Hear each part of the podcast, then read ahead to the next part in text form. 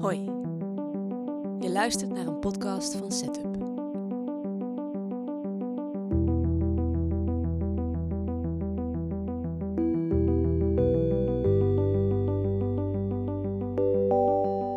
AI als wapen tegen corona. Een les in bescheidenheid. Dit artikel verscheen op 3 april op www.setup.nl en is geschreven door Siri Berends.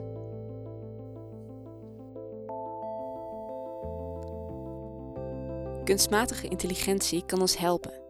Maar de ware uitdaging ligt in de politieke, economische en sociale systemen waarin wij leven.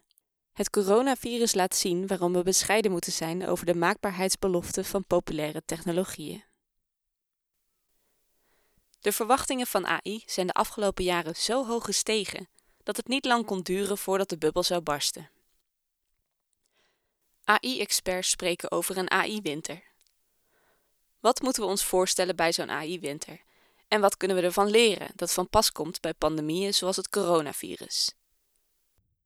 Een AI-winter is een periode waarin technologische grenzen aan het licht komen en journalisten hun utopische en dystopische AI-scenario's temperen.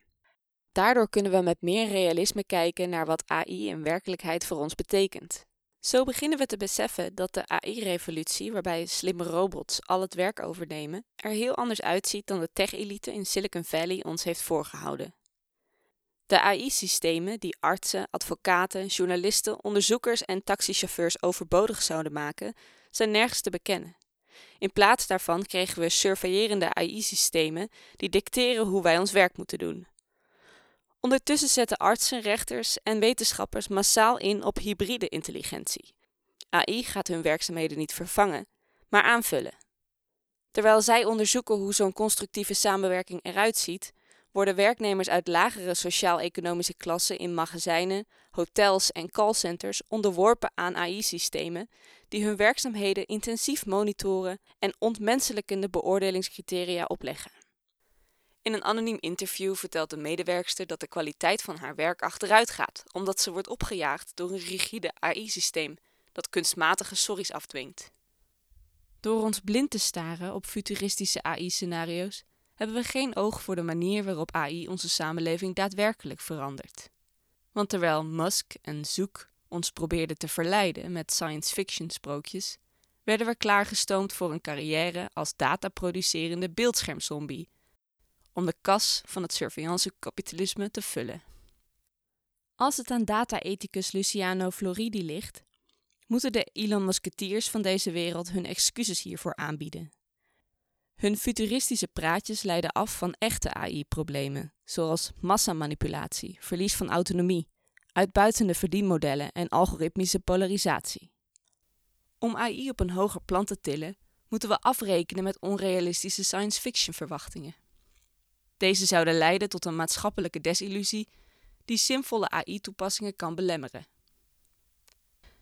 We hebben al eerder een AI-winter meegemaakt, bijvoorbeeld in de jaren 80, toen kunstmatige intelligentie niet aan haar belofte kon voldoen.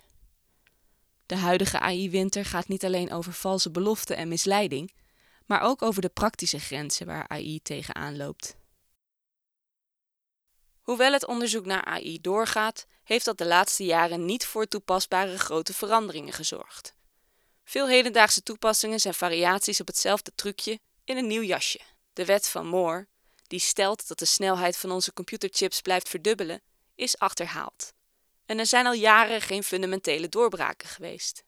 Volgens AI-experts zoals Gary Marcus en David Watson komt dat omdat onze huidige AI-methoden deep learning en deep neural networks een aantal fundamentele beperkingen hebben.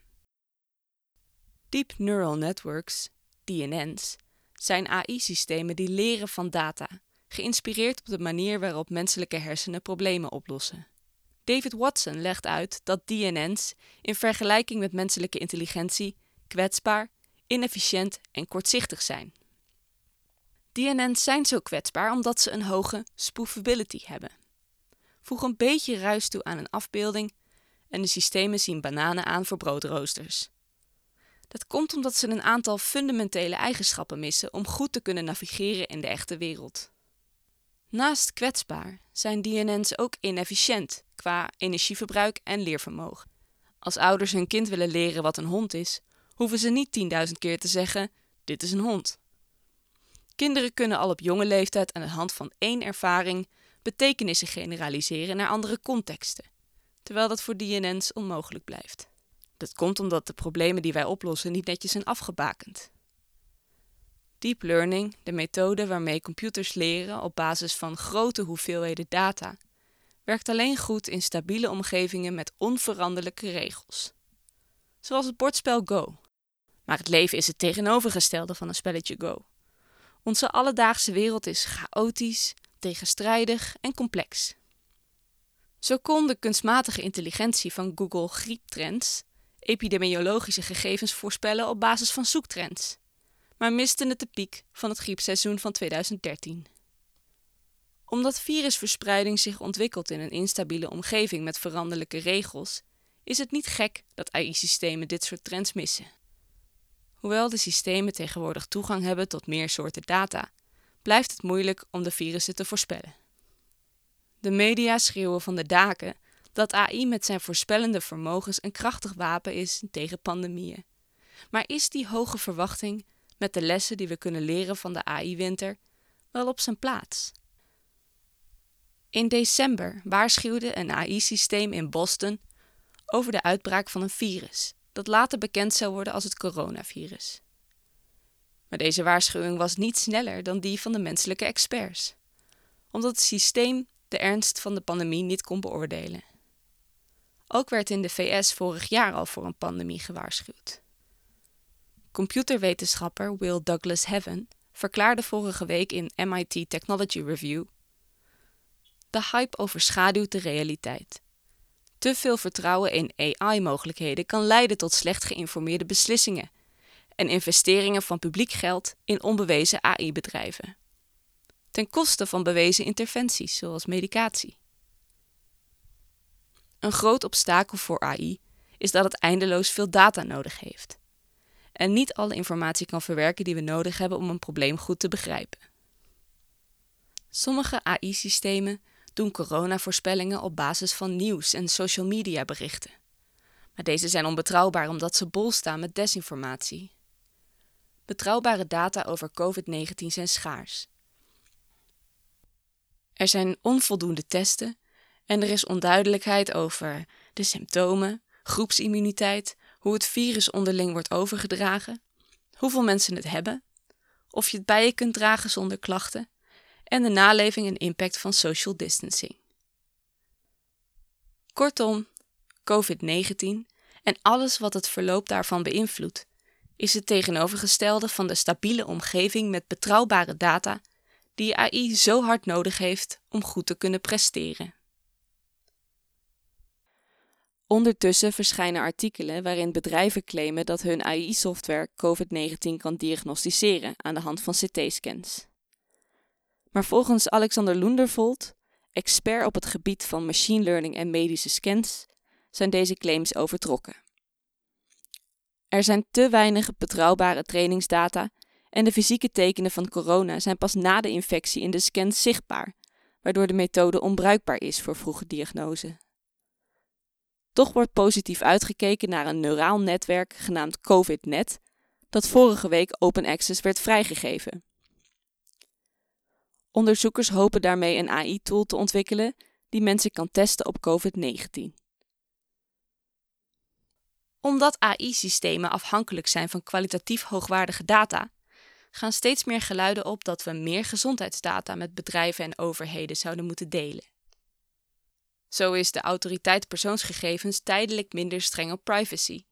Fantaseren techjournalisten alvast over grafstenen met teksten als maar ze behield tot het einde haar privacy? En zijn Amsterdammers begonnen met een app om gezondheidsdata te delen.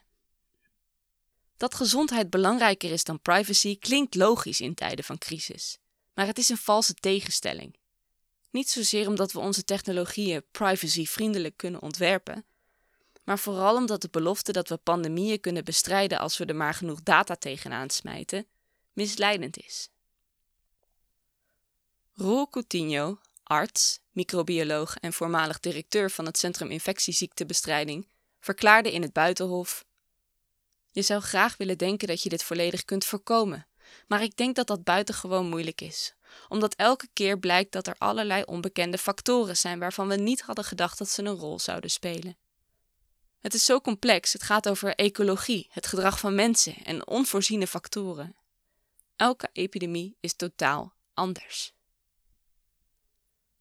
Dat infectieziekten terug zijn te leiden naar overdrachten tussen dier en mens, weten we al jaren.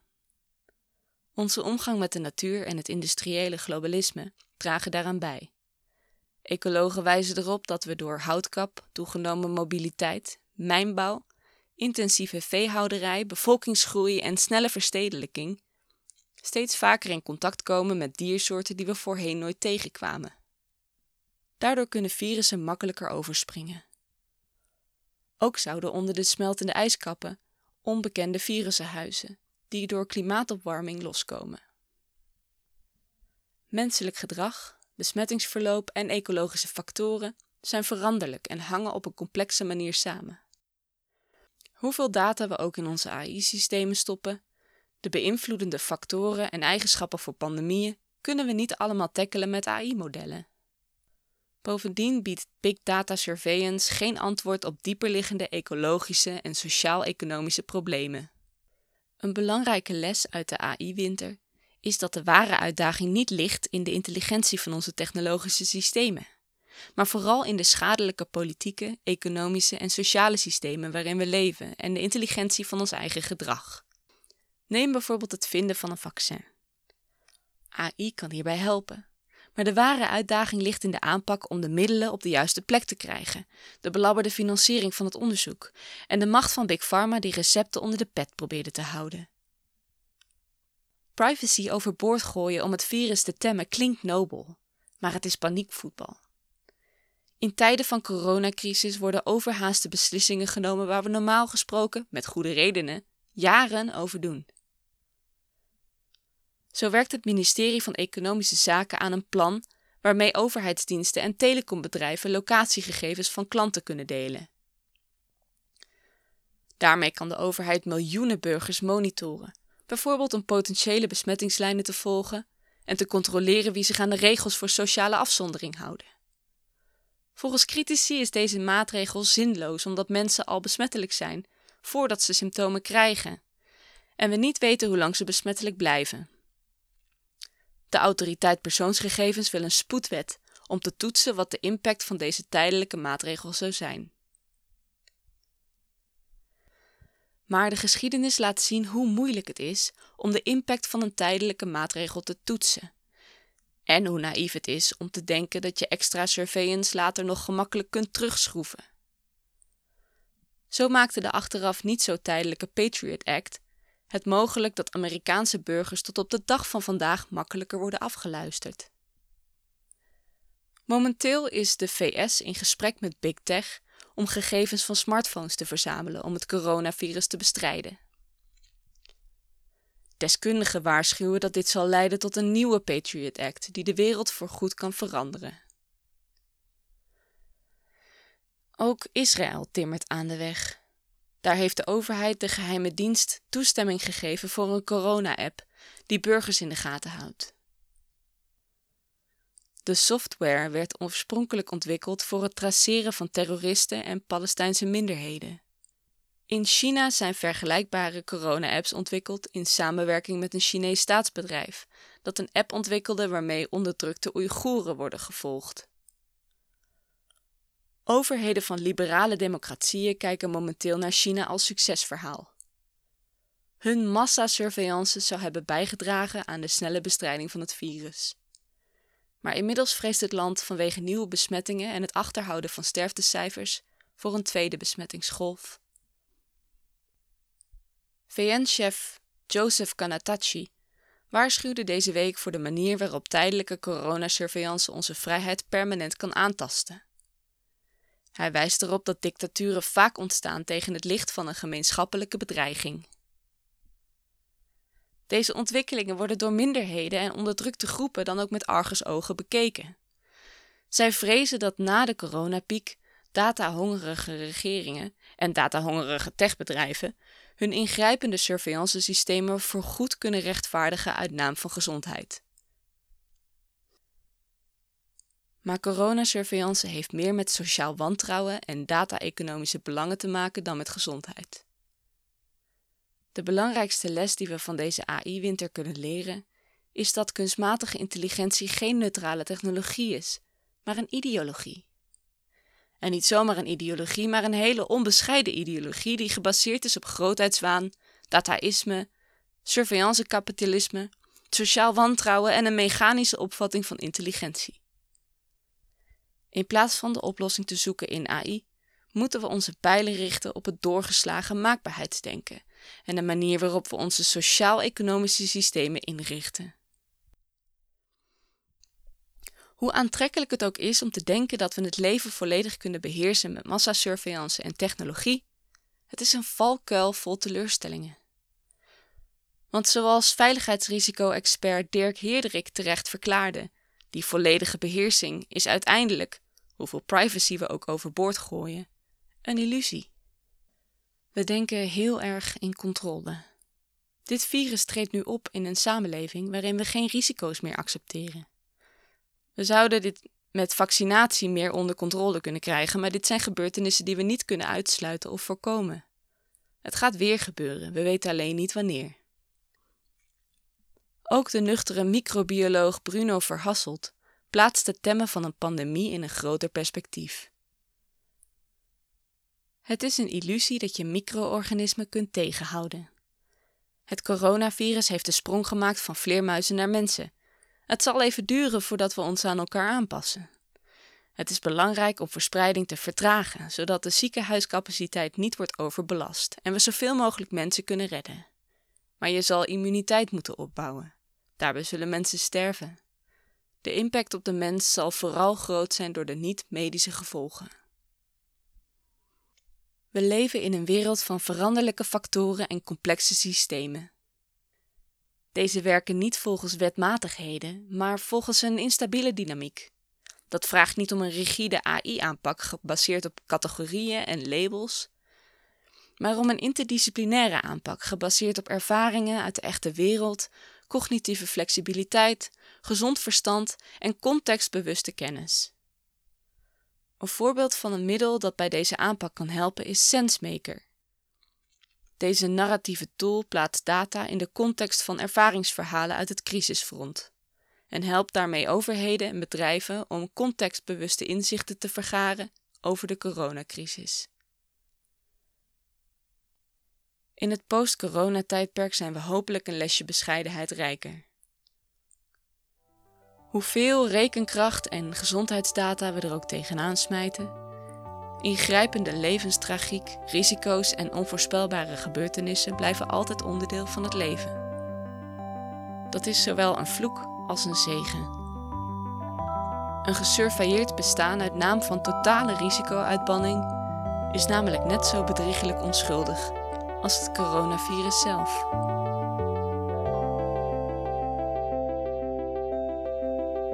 Wil je meer weten over dit soort onderwerpen of wat wij precies doen? Ga dan naar www.setup.nl.